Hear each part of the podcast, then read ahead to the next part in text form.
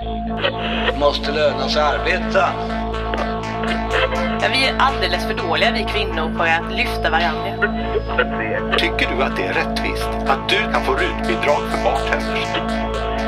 Just nu tror jag att det är vi som är den starkaste den, av den svenska modellen. Avundsjukan i det socialdemokratiska idealsamhället är ju större än sexualdriften. Välkomna till Arbetsvärldens podd Arbete och fritid fredag den 20 mars. Vad ska vi prata om idag då? Ja, corona naturligtvis. Eh, när arbetsmarknaden kastas om på grund av det här nya viruset, vilka är det som drabbas? Hur är läget ute bland till exempel TCO-förbundens medlemmar? Är regeringens åtgärder tillräckliga? Och eh, hur ser framtiden ut? Kommer den här fladdermusen som hostade i Wuhan ändra världen mer långsiktigt till det bättre eller till det sämre? När vi arbetat med de här frågorna ska vi förstås ha lite fritid också. En jobbig världsrapport ska vi få från vårdsituationen på Nya Karolinska så här i coronatider. Hörrni, vi kör ju hemifrån idag allihopa. Eh, Samuel, du befinner dig någonstans i Mälarhöjden misstänker jag. Det stämmer. Samuel Engblom som är samhällspolitisk chef på TCO. Britta Lejon, ordförande ST på Kungsholmen. Hur klarar du hemifrån sändning?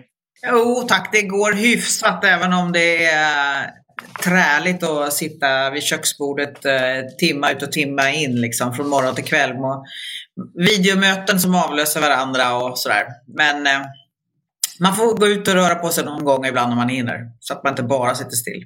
Ja, jag har inrättat kontor här i sovrummet. Min sambo är väldigt nöjd. Hon har drömt om detta sedan lång tid tillbaks. Så jag sitter i sovrummet och eh, vid ett litet skrivbord har jag suttit och jobbat de senaste dagarna på Folkhälsomyndighetens rekommendation. Förstås. Mm. Som sagt, jag tänkte vi ska prata lite om hur det ser ut där ute i landet i era verksamheter och sen så lite om åtgärderna som genomförs och lite om framtiden. Men jag tänkte börja med den här debatten om liksom vad som är, vilka, vilka beslut som politikerna ska ta i det här och vilka som tillhör expertmyndigheter. Alltså, ni har ju båda erfarenhet lite av gränslandet mellan politik och expertsamhälle. Det pågår ju en diskussion vad som kan lämnas till myndigheter och vilka eh, avgöranden som politiken måste fatta. Och sen den här diskussionen om vi gör rätt saker nu, den svenska modellen liksom kontra andra länders. Vad är er take på det här? Jag tänker så här. Eh, alla gör så gott de kan i det här otroligt svåra läget där det faktiskt inte finns något facit. Men utifrån den kunskap som man har vid olika tillfällen så tror jag att både myndigheter och politiken gör så gott de kan. Jag tycker att det är imponerande att se hur det politiska Sverige klarar av att ta sig samman och komma ihop och liksom lägga kontroverser åt sidan och fokusera på det viktigaste. Eh, jag tycker att det är fantastiskt att se hur hela Vård-Sverige anstränger sig till det yttersta för att klara av det här viruset och dess effekter på folkhälsan. Eh, helt imponerande arbetsinsatser från så många människor. Så att, men jag tror att vi kommer ha en lång diskussion efter det här, när det här är över. Eh, så tror jag vi kommer ha en lång diskussion efteråt som handlar om just eh, vår förvaltningsmodell. Eh, ska regionerna ha det ansvar som de har för vården vara så långtgående som det är? Ska relationerna mellan våra små självständiga myndigheter kontra regeringen och regeringskansliet se ut framöver? Där ju vi och Finland skiljer oss från resten av, av världen. Jag tror att vi kommer få se förändringar som inte bara handlar om att bygga upp en beredskapsförmåga och att överge just in time, utan jag tror att det också kommer att handla om vår förvaltningsmodell. Ja, alltså, om det här går bra eller inte, det vet vi ju inte än. Alltså, det är när vi har facit och vi ser hur... När vi, jag tror att man får vänta en, ett tag till innan vi vet hur, hur bra vi klarar den här situationen. Eh, jag har nog tänkt att i ett sånt här läge så är våran förvaltningsmodell med självständiga myndigheter på många sätt en fördel, kan vara en fördel. Och då tänker jag så här att Eh, eh det innebär nämligen att alla beslut är inte politiska beslut. Det vill säga att det finns mycket som idag faktiskt inte ska tas upp på en politisk nivå. Därför att å ena sidan så kan man säga att politiken har ju alltid det yttersta ansvaret någonstans. Det är, det är regeringen som ska leda landet i en sån här situation. Men politiskt kan det också komma in andra faktorer som kanske inte alltid handlar om hur man bäst bekämpar eh, eh en smittspridning eller bäst räddar ekonomin i det här läget. Men det finns andra behov och visa handlingskraft och sådana här saker som vi, som vi kan se i en del andra länder. Och jag tror att, eh, att det finns en fördel med att allt inte är ett beslut av en minister på ett ministerium. Utan att en del saker och ting ska beslutas eh, av, eh, Eh, eh, av tjänstemän. Sen är det ju, det här är också ett läge kanske där vi ser vi har expertmyndigheter som lämnar rekommendationer. Eh, och det är ju rekommendationer både till allmänheten och till hur regeringen ska agera. Eh, det jag tror är viktigt det är ju att man Eh, från, från liksom, i regeringen, politiken måste visa myndigheterna sitt stöd. Vi får inte hamna i ett läge där det offentliga börjar skicka dubbla signaler. Och det tycker jag att man hittills har, har lyckats väldigt bra med. Jag, jag, precis som Britta så är jag ganska imponerad av hur det svenska samhället har skött det här och jag känner väldigt stort förtroende för hur man hanterar det. Och det handlar om myndigheterna, det handlar om regeringen men också givetvis om oppositionen som jag tycker beter sig på ett väldigt bra sätt i det här läget. Absolut. Eh, jag håller helt med vad Samuel säger där, att det finns stora fördelar med vår förvaltningsmodell. Men det finns också några nackdelar och de syns också i det här skeendet. Eh, att vi har en längre tidsutdräkt innan vissa saker händer i och med att vi har en annan sätt att fatta beslut, eh, till exempel.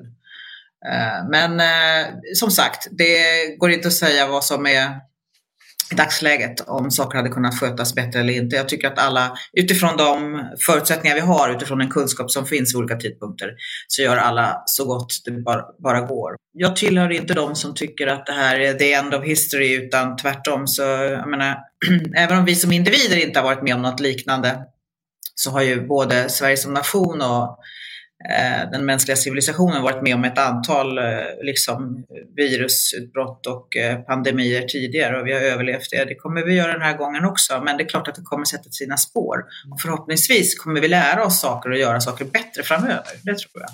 Mm. Man kan säga så att vi har ju en tradition av när det har varit sådana här äh, händelser. Vi har ju skogsbränder, vi hade stormen Gudrun och sånt. Då har vi som i regel i Sverige utvärderat dem efteråt.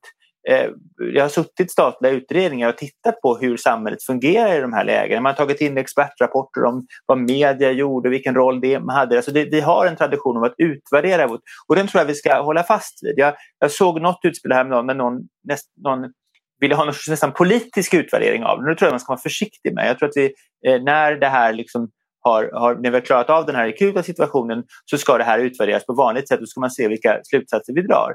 Sen är det klart att man kan som lekman tycka att det finns en del saker som verkar bli ganska uppenbara. Vår krisberedskap för den här, vi har, är inte tillräckligt eh, bra. Vi har alltså slimmat ner till exempel sjukvården till en nivå där vi då inte kan hantera att det plötsligt kommer en, en ett ökat behov av en viss typ av, av vård. Och det, det, där tror jag att vi kommer, vi kommer få en väldigt kritisk debatt som jag tror och hoppas kommer få stora eh, eh konsekvenser för hur vi, liksom, eh, hur vi utformar eh, välfärden framöver.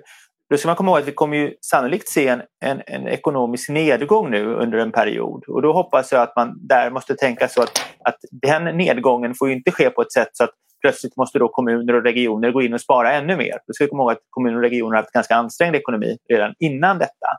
Så det tror jag blir väldigt viktigt att det är inte där, alltså de, de, det kommer krävas ekonomiska uppoffringar men jag tror att det är inte där man ska ta dem utan vi kommer behöva bygga välfärden stark. Eh, eh och framförallt då, det här är väldigt uppenbart, de brister som finns i vården. Eh, trots att vi då kommer få en, en nedgång i ekonomin.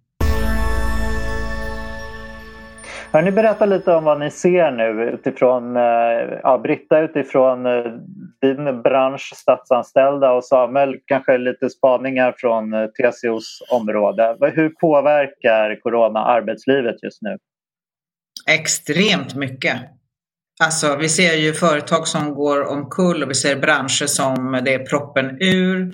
Jag har ju medlemmar som är, jag menar, alla flygledare i Sverige är medlemmar hos oss. Vi har ju liksom medlemmar som jobbar på massor av de här små regionala flygplatserna, de stora som nu där det liksom, trafiken har gått ner med 90 procent. Vi, vi, vi håller på med varselöverläggningar i ett antal bolag. Eh, vi har, jag har också medlemmar i SJ och andra spårtrafiksområden eh, gods och persontransporter. Jättemycket varsel som läggs. Därför att intäkter faller, eh, gods levereras inte, material kommer inte in innanför gränserna, vi har problem med transporter över gränserna. Eh, Utländsk eh, expertarbetskraft, utländska nyckelfigurer får inte komma till jobbet. Massor med påverkan på arbetsmarknaden, förutom det här uppenbara med att liksom vården går på knäna och att det är stora påfrestningar på hela samhället. Så jag menar, det, vi, det är stor arbetslöshet kommer det bli i spåren av det här och precis som Samuel sa tidigare så kommer vi gå in i en global eh, recession. Samuel, TCO-styrelsen hade extra inkallat eh, möte igår. Vad sades där? Ja, nej, vi har haft ju eh, olika möten här de senaste eh, liksom, veckan just för att informera eh, oss själva och varandra om vad som händer på olika områden.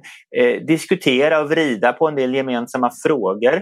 Eh, vi har ju till exempel, men det kom in ett helt, ett helt nytt eh, instrument egentligen på arbetsmarknaden, det här korttidsperm möjligheten till korttidspermitteringar. Eh, och där har det varit mycket frågor då där vissa förbund har ju jobbat med korttidsarbetesfrågan länge, för andra blev det ny och då diskussioner mellan juristerna, hur ska den här bestämmelsen tolkas och sånt. Jag tycker väl man hjälper varandra på olika sätt. Eh, men det är klart, det, det, ser ju lite som Britta beskriver lite olika ut. Vi har ju de här som eh, vi har ju till exempel Vårdförbundets medlemmar men det är också en del medlemmar i andra förbund som är verkligen in, i, i inblandade i att vårda de som blir sjuka, Eh, förhindra smittspridning, Eh, förhindra att själva bli smittade eller som, som, eller som kanske befinner sig som poliser i ett läge där man, du kommer att träffa människor även i det här läget. Du jobbar inte hemifrån utan du är ute på stan och du är ganska nära andra människor. Och där har ju dyker ju många arbetsmiljöfrågor upp som handlar om eh, det handlar om att vi måste skapa helt nya rutiner och människor ska följa de rutinerna. Det kan handla om skyddsutrustning som vi har då sett är en, en trång sektor. Det finns inte tillräckligt med skyddsutrustning. Man tillverkar själva skyddsutrustning. Det sitter människor och liksom sätter ihop overhead-ark till visir. Mm. Eh, vi har, eh, eh, och sen då givetvis eh, det som handlar om, om arbetsbelastningen som då har blivit väldigt hög på, på vissa områden. Sen har vi ett antal branscher som påverkas av den här det faktum att nu finns det rekommendationer att man ska jobba hemifrån, att man inte ska gå ut, man ska inte samlas i större grupper än 500 personer. Eh, eh också att människor ändrar sina beteenden. Och då pratas det mycket om hotell och restauranger och sånt. Och det är givetvis en sån grupp som påverkas. Resebranschen som, som, och transporter som Britta nämnde. Men även då, vi kan se, vi har ju bland TCO-förbundets medlemmar har vi ju Teaterförbundet eh, och så Symf då, som handlar om musiker i symfoniorkester. Jag tänker även Brittas medlemmar på Skansen till exempel. Eh, en del av besöksnäringen där plötsligt intäkter försvinner och då påverkas ju det av, av, en, av en nedgång också och, vilka mm. liksom, möjligheter har man att, att övervintra den? Hur långvarig blir den? Det vet man ju inte. Hur länge mm. kommer de här mm. rekommendationerna att ligga kvar? Hur länge kommer människors beteendeförändringar eh, eh, att ligga kvar? Eh, sen så är ju media ett ganska intressant exempel där, där det då finns hur mycket jobb som helst att göra. Eh, det, det, finns mycket att rapportera om. Det finns stort behov av nyhetsförmedling idag. Eh, samtidigt så försvinner intäkterna. Eh, jag tänkte det de första dagarna när det här slog in, så när man gick in på en tidnings hemsida så såg man ofta eh, reseannonser. Ja, för det är en väldigt stor del av annonsmarknaden som är reseannonser. Eh, och, då, och då kunde man tycka att det var lite, kändes ju kanske inte riktigt helt passande eller rätt just nu. Då. Varför annonserar de om resor? Men de är ju borta nu och, och det påverkar ju givetvis tidningarnas intäkter. och sen har vi då de här som vissa industrier nu. Nu kom precis även nyheter om att eh, Volvo Cars eh, eh då minskar sin produktion och vi Scania varmgår. Där det å ena sidan faktiskt kan handla att det inte finns delar. Vi har ju, vi har ju byggt upp de här stora globala produktionsnätverken som bygger på att, de, att, att eh, del, underleverantörer i olika delar av världen levererar olika saker just in time. Och det fungerar ju inte längre i det här läget när man stänger gränser och sånt. Så då har ju den. Sen så ser man väl framför sig också en, en, en lågkonjunktur som kommer och då av den anledningen minskar man produktionen. Så det slår verkligen igenom på hela arbetsmarknaden men på väldigt olika sätt. Och jag fick till och med mm. höra att det finns ju delar av vården där man har fått lite att göra därför att man ställer in mycket som inte är nödvändig vård just nu. Och I bästa fall kan vi de flytta över då till att erbjuda annan vård. Så det, det slår verkligen igenom på nästan hela arbetsmarknaden. Det gör det verkligen. Jag vill bara lägga till ett perspektiv också, förut, förutom att jag tycker Samuel gick igenom det väldigt bra. Det finns ju hur många exempel som helst. Men det är ju som alltid när, när stora förändringar sker och eh, det blir en stor, minsk, stor ökning av arbetslösheten. Antalet jobb försvinner och eh, intäkter försvinner och företag går under och sådär. De som drabbas allra först, det är ju de som, har, eh, de som är mest sårbara, de som har minst marginaler. Och vi ser ju det till exempel nu inom Eh, kollektivtrafiken med alla timanställda, alla som på, är på väldigt korta, eh, liksom inhyrda på kort, kort tid med kort förvarning. Deras inkomster är totalt borta. Det gäller ju också många av kulturarbetarna och andra frilansare liksom, som vars hela inkomst bara raderas ut från en dag till en annan. Eh, så att, och där är ju så att de här eh, krispaketen och eh, lös, olika sorters tillfälliga lösningar som, som eh, regeringen och eh, våra myndigheter åstadkommer och som vi som parter kan bidra med. Där, hittills har inte de sträckt ut sig till den här typen av grupper i samhället. Vi kan väl komma in på just de här policyimplikationerna när vi pratar om regeringens räddningspaket nu. Man har ju, dels har man ju gett mer personlig Eh, till personer att det här karensdagen slopas och man ökar eh, resurserna till smittbärarpenning och sådär. Men fokus har ju varit på att få företag att överleva kan man väl säga. Man ska eh, kunna permittera människor till minskad arbetstid med 90% av lönen. Staten tar all sjuklönekostnad och företag får anstånd med betalning av skatter och så här. Men eh, det som du nämner Britta, att många enmansföretag till exempel omfattas inte av det här och korttidsanställda som kanske skulle behöva större a-kassa då till exempel, något som TCO varit inne på som nu också väcks krav på från LO till exempel. Berätta något om det här med att korttidspermitteringar och så. Det, det tänker jag, det har ju främst med företagens överlevnad att göra och Magdalena Andersson har ju sagt där att ja, nu är vi inne på att liksom få företag att överleva och a-kassa och så, det är ju mer eh, privatpersoner och, och att eh, ja, fast... öka konsumtion och sådär. Säg någonting om fast, det och vad som ja, men... behövs. Mm. Ja, men får jag bara först invända lite mot beskrivningen att de här korttid, beredskapsavtalen, korttidsavtalen är, är, är, skulle bara vara till för att få företag att överleva. De är ju främst till för att få företag att överleva.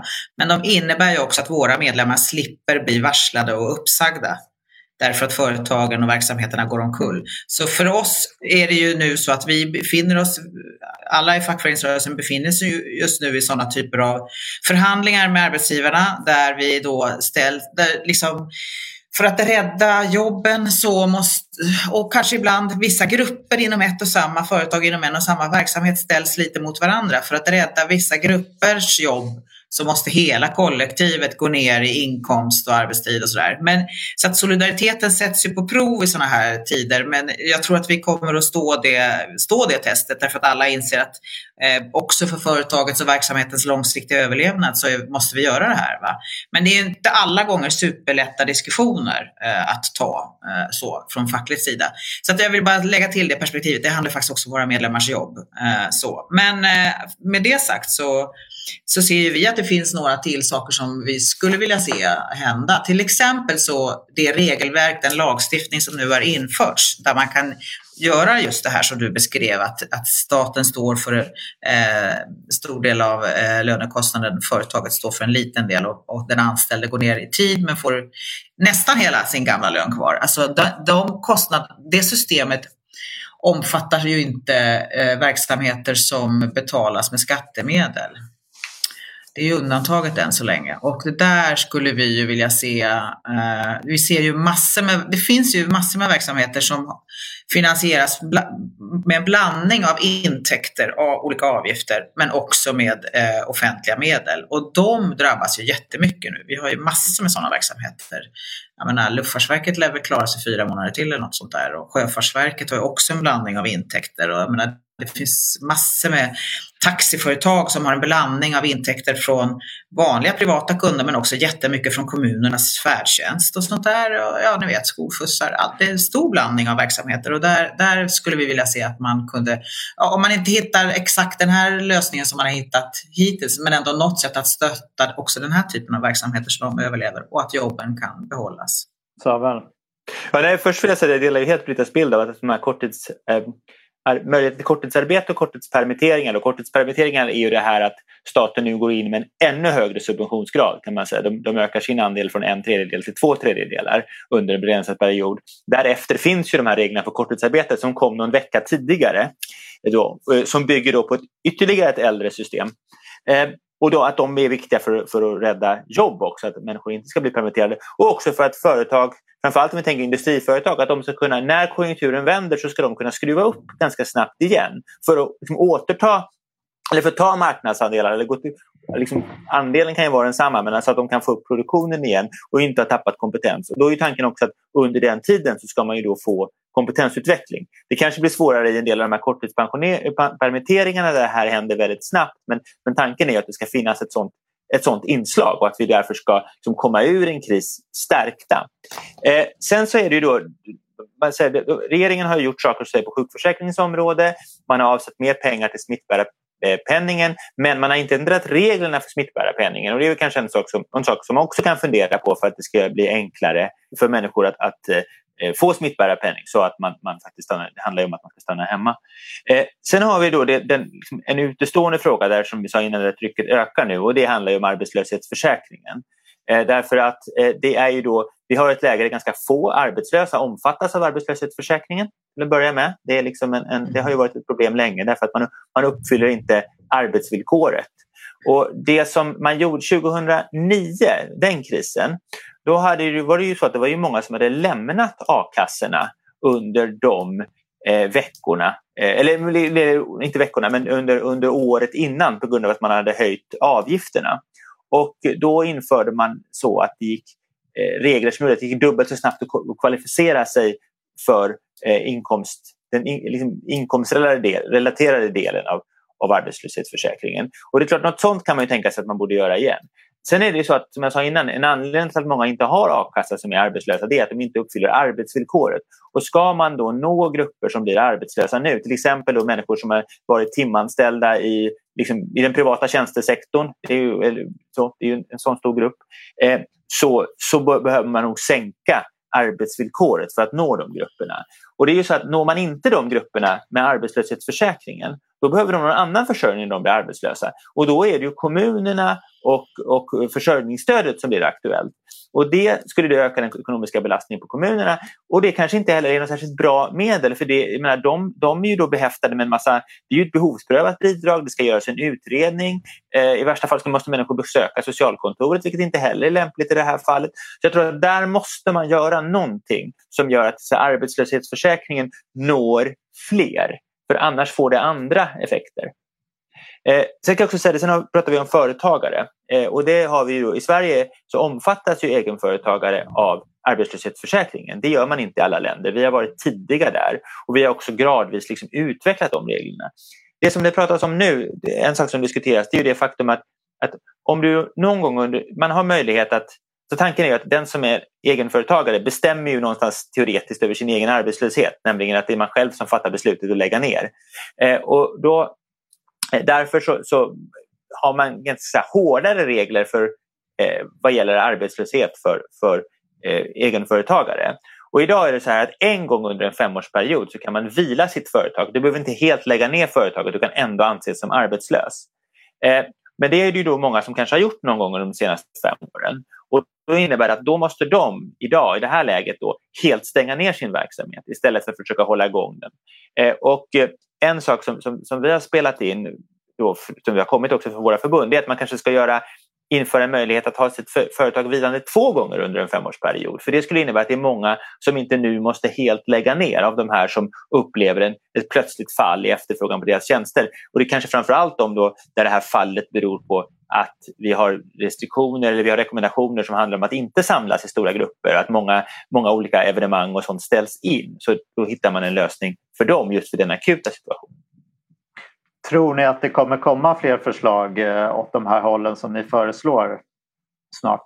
Ja, alltså regeringen har, eh, i de, i de kontakter vi har haft med, eh, med olika företrädare för regeringen så har ju både de sagt och vi varit tydliga med att det, det, är ju ingen som vet hur länge det här håller på och vilka, vilka uttryck sig den här krisen tar. Så att, en, jag tycker att regeringen har varit ganska tydlig med att man har aviserat att, att man är beredd och man utesluter inga åtgärder, man är beredd att vidta fler åtgärder om det behövs. Så det, det är jag helt säker på.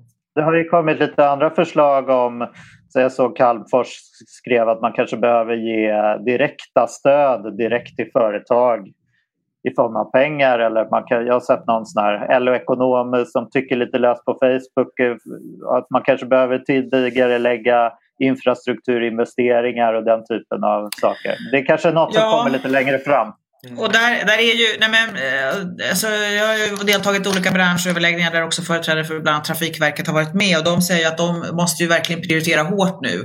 Och ett av de stora, vad de gör, eh, och det finns flera skäl till det. Ett eh, var det jag var inne på tidigare, att det, i och med att gränserna stängs så blir det svårare att få hit nödvändig material också för infrastrukturinvesteringar. Så jag förstod att getingmidjans, det som man nu håller på med när det gäller getingmidjan till exempel, är, lever i farozonen därför att man inte får in tillräckligt med material för det det som behöver göras.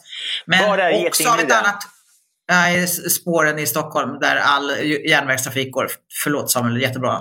Jo, eh, men eh, sen det stora problemet nu är ju också för väldigt många att sjukskrivningarna har ökat så radikalt i jättemånga branscher. Så man har inte tillräckligt med personal för att upprätthålla den nödvändiga verksamheten. Det är också ett bekymmer i sammanhanget. Eh, och att sjukskrivningarna har ökat beror ju så, beror, så mycket beror ju delvis på, skulle jag tro, oro eh, det vi, jag menar, eh, över läget men också att fler är sjuka och att man fler behöver vara hemma för att ta hand om barn som är, inte längre kan gå till skolan. Ja, ni vet hela situationen. Men det är också ett, det är i dagsläget eh, för många branscher det största bekymret faktiskt.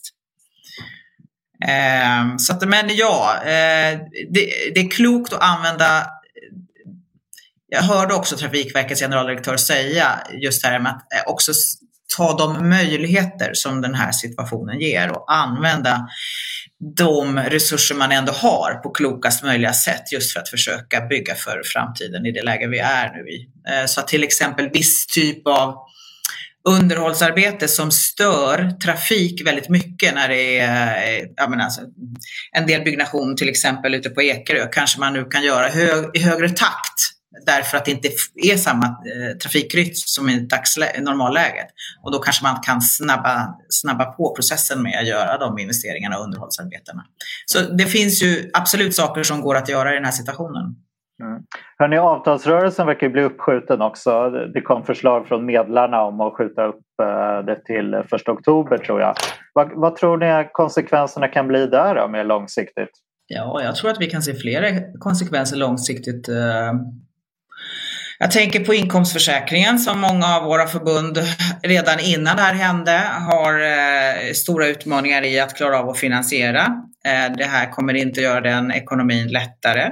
Eh, jag är rädd för att en del förbund inte kommer klara av att eh, ha fortsatt sin inkomstförsäkring efter det här, när vi är ute ur den här tunneln.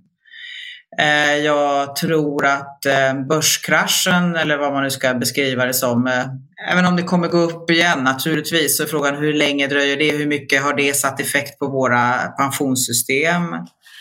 Avtalsrörelsen kanske blir prolongerad, alltså att den skjuts upp ett halvår eh, och då kanske konsekvenserna inte blir så stora omedelbart av det skälet. Däremot den globala recession och den, den försämrade konjunktur och de försämrade intäkter som kommer till svenska företag eftersom vi är en liten öppen ekonomi och så beroende av vår omvärld. Det kommer naturligtvis göra att förhandlingsläget eh, försämras. Eh, så att ja, Eh, å andra sidan så blir ju det väldigt tydligt att utan sin personal så klarar inte verksamheten av att bedriva sin, jag menar, vi är så slimmade verksamheter. Så att, ja, avtalsrörelsen påverkas. Eh, jag tror att vi i fackföreningsrörelsen kommer påverkas på flera sätt än bara genom att avtalsrörelsen påverkas. Och de större effekterna kanske blir i andra system. Hörni, eh, jag vet inte om du vill kommentera det Samuel, annars tänkte jag att vi går in på framtiden. Vad tror ni att det här kommer få för konsekvenser? Det har ju talats både om eh, positiva och negativa slutsatser som kan komma ut av den här krisen lite beroende på hur den utvecklas här framöver. Vad är era funderingar? Alltså en är väl att det är väldigt tidigt att säga vad det blir för konsekvenser. För det är ju klart att eh, om vi nu tänker att en, mycket av det här beror, mycket av de här effekterna vi ser, både de här omedelbara effekterna, till exempel då för besöksnäring och annat, och de här lite mer liksom, långsiktiga effekterna på, på ekonomin, det beror ju väldigt mycket på hur länge det här varar. Eh, och hur länge olika typer av insatser behöver vara kvar. Mm. Eh, och hur länge eh, regeringar i olika länder väljer att ha kvar den här typen utav, av insatser och restriktioner.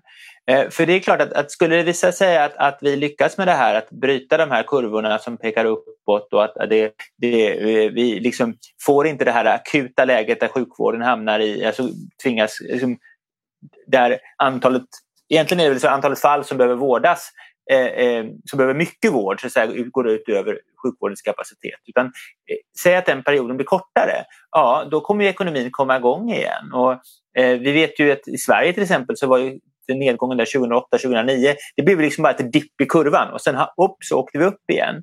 Eh, eh, mera, så, och, men sen klart, vi har ju ett annat, lite annat världsläge. Vi kan se att regeringar är mer protektionistiska och sånt. Jag kan tänka mig att risken finns att en del saker kanske, en del av de här begränsningarna ligger kvar för länge. Alltså, så det, beror, det beror väldigt mycket på hur, hur utdraget det här förloppet blir. Och där kan jag tänka mig, att, utan att vara en ekonom, att varje liksom, månad som det här drar ut får ganska stora effekter eh, på liksom, hur lång krisen blir sen och hur djup den blir. Så vi får väl hoppas att man kan kom, så, så sakta jobba sig tillbaka till ett normalläge så fort som möjligt. Och då, då kanske det här inte blir den här lång, någon lång recession. Men, men eh, det, det vet vi inte än. Britta, kan man dra några slutsatser liksom för eh, demokrati? Och ja, jag tänker, Ja, slutsatser vet jag inte, men resonemang tycker jag vi ska dra. Men får jag bara först hänga på ett, en grej som Samuel sa där, att, att 2008-2009 var ett dipp i kurvan. För många var det inte ett dipp i kurvan.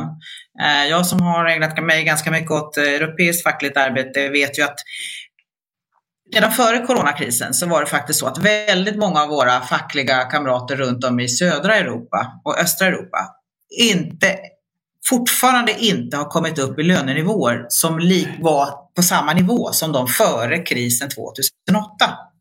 Mer än tio år efteråt. Så det är klart att sådana här kriser får enorma konsekvenser sätter avtryck jättelänge. Eh, och det kommer den här också göra. Men sen är det som Samuel säger, det beror lite grann på hur lång den blir, hur utdragen den blir. Men många ekonomer och bedömare säger nu att de tror att det kommer få större konsekvenser än vad 2008 års eh, kris fick. Det återstår att se. Jag skulle bara vilja säga, apropå din fråga där Mikael, att jag tror att eh, starka välfärdssamhällen kommer att klara den här krisen bättre än andra. Därför att vi har möjligheter att låta folk som är sjuka faktiskt vara hemma från jobbet när de är sjuka. Eh, man kan vara hemma och vårda sina barn eller andra när man behöver. Därför att vi har välfärdssystem som gör det möjligt. Medan samhällen som inte har det, Eh, där det liksom enbart är enskilda försäkringar och enskilda individuella lösningar som, som, som innebär att de som har pengar alltid klarar sig bättre. De samhällena tror jag kommer att klara sig sämre. De har sämre motståndskraft kraft och sämre strukturer för att långsiktigt eh, klara av det här. Så att jag tror att samhällen som våra eh, kommer komma ut ur det här bättre än andra. Eh, men jag är orolig för att det här, eh, med tanke på den redan innan det här händer, den väldigt eh, skakiga globala relationerna som finns mellan USA och Kina och mellan andra maktcentra i världen och internationella aktörer. Där är jag väldigt orolig för att jag menar, USA har inget sjukvårdssystem som funkar i det här läget. Alltså, och de var väldigt yrvakna och man har, man har liksom skurit ner på samhällsinstitutionerna. Så att man är inte superväl förberedd för den här krisen i USA. Eh, eh, kontra Kina då, som liksom som med alla maktmedel som en diktatur kan uppbåda, så har man ju visserligen förtryckt sanningen om det här viruset och därmed orsak, orsakat både sin egen befolkning och resten av världen extrem fara. Men när man väl insåg att det här kunde man inte fly från så tog man ju till alla maktmedel man hade och kanske har klarat av att ta hand om den här, eh, så möta den här eh, krisen snabbare och bättre än vad USA klarar av att göra. Eh, så att jag är lite rädd att det här spär på och skyndar på den här processen vi redan har sett av att USAs eh, förmåga att vara en, eh, en stabil och positiv kraft i världen minskar. Jag är lite rädd för det, men jag hoppas att jag har fel som tidigare demokratiminister, jag tänker på de här aspekterna att folk verkar vara beredda att acceptera liksom ganska stora inskränkningar av den personliga friheten och att man kanske, det väcks krav på att lägga mer makt hos regeringen och mindre hos parlamentet och den typen av uh, idéer. Är det någonting det kanske kan vara positivt i klimattankar att man är beredd att inskränka personliga friheter mer men å andra sidan kanske inte är så härligt att uh, man då ska få mer auktoritärt styre. Uh, har du några tankar kring det där? Bara för att folk är kloka och lyssnar på eh, råden om att eh, inte bidra till smittspridning så betyder inte det att man är beredd att acceptera integritetskränkande eh, ingrepp. Jag, menar, jag tror ingen i Sverige är beredd att sätta sig i den situation man måste acceptera om man bor och lever i Kina egentligen med total övervakning eh, var man är och ansiktsigenkänningsutrustning överallt. Så att, Ja, det här, det här är, Mikael, jag har inga klara svar på din fråga, men, men eh, jag är inte så säker på att jag ställer upp på premisserna alla gånger. Eh, det här är superintressant, det som händer. Det kan vi väl vara eniga om. Alltså det här säger någonting om vad vi är förmögna till när saker ställs på sin spets.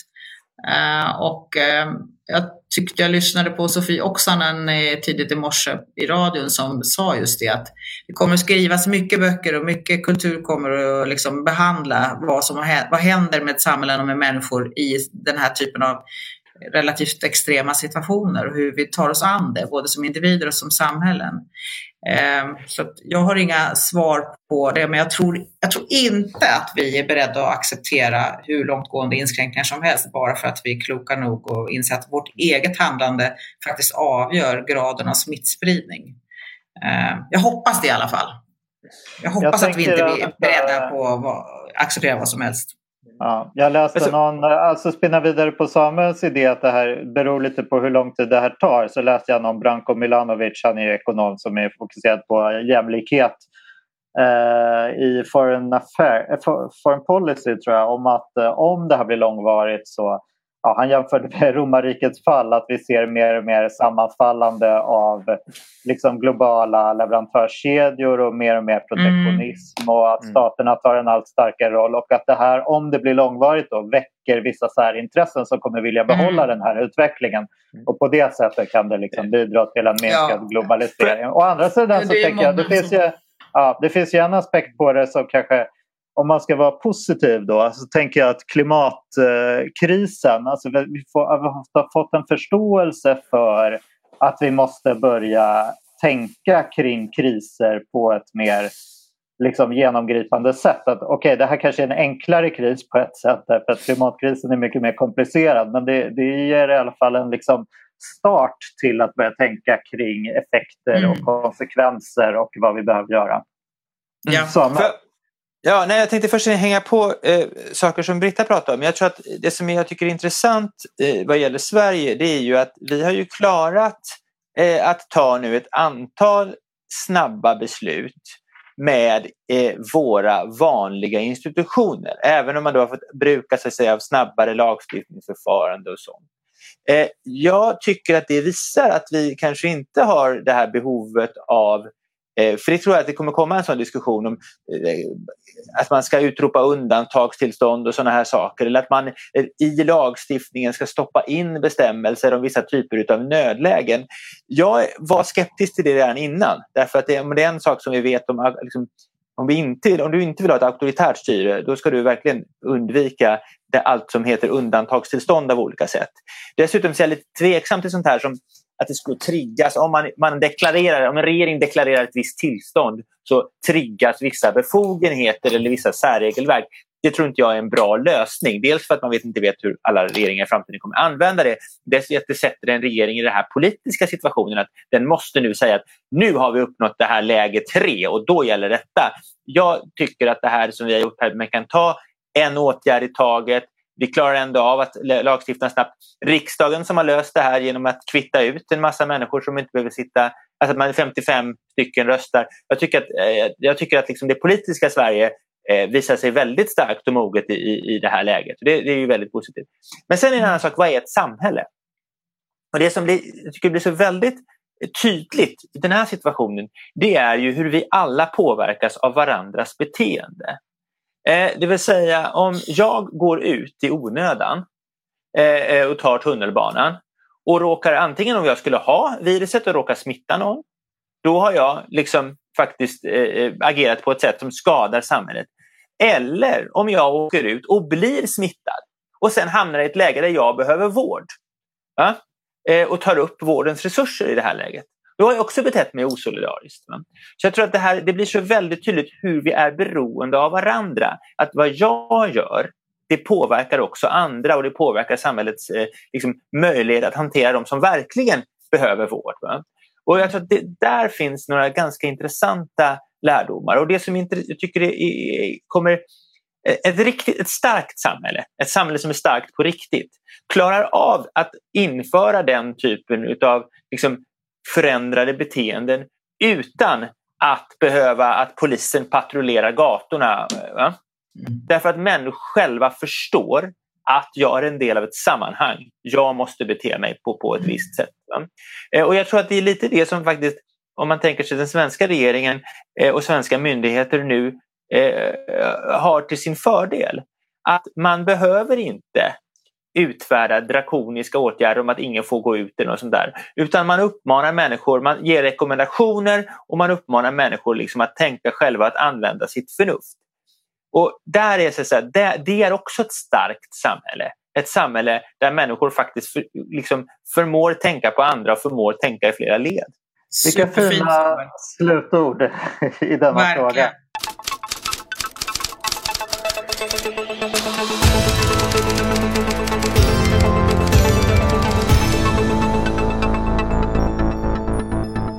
Bild på utmattad managementkonsult hyllas.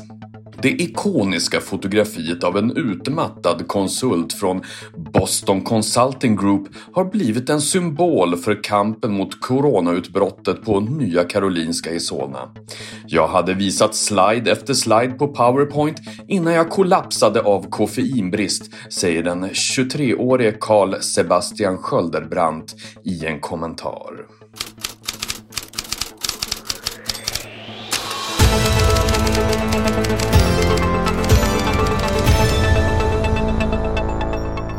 Ja, det är lite uppföljning av eh, för förra veckans rapport från Nya Karolinska där managementkonsulter nu kallades in för att lösa coronakrisen. Jag hoppas de gör någonting annat än det också. Det vet jag att de gör. Jag har eh, grannar som jobbar på Karolinska. men, men ja. Samuel? Eh, nej, men vi kommer ju få en stor diskussion om vårdens organisation efter detta. Eh, det kommer vi göra. Eh, och den kommer nog kanske ha lite andra förtecken än det vi haft de senaste åren. Mm. Mm. Och vad kommer den gå ut på då? Ja, den kommer ju handla mycket. Jag vet inte vad Samuel tänkte på exakt, men jag menar, vi måste ju ha en vård som klarar av att sörja för eh, folkhälsan. Vi kan inte ha regioner som har ansvar för vården och som skit, ursäkta, struntar i riktlinjer och rekommendationer från centrala myndigheter om beredskapslager till exempel.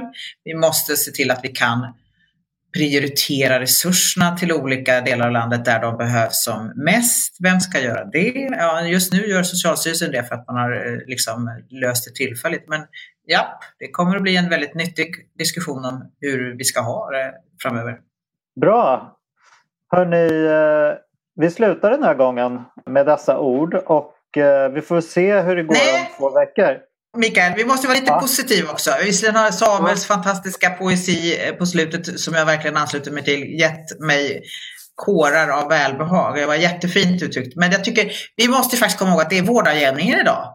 Och om man inte vill falla i den här coronadepressionen och bara maniskt lyssna på alla uppdateringar om det senaste läget, hur många som eh, har insjuknat och sådär, så tycker jag att man ska ge sig ut i naturen och njuta av att våren är på gång. Vi har liksom vårlökar som blommar och vi har koltrastar och grönfinkar som sjunger, till och med tranor har jag sett. Så det är i alla fall den bästa medicinen mot, eh, mot liksom depressionen, ut i naturen. Bra. Vi får se om vi sitter i de här omständigheterna om två veckor igen. Det finns väl en risk att det kommer vara så. Vi ska säga till er som lyssnar att eh, man ska prenumerera i sin poddspelare så man inte missar några avsnitt. Annars är vi tillbaka om två veckor. Vi hörs då. Hej då! Hej då! Hej!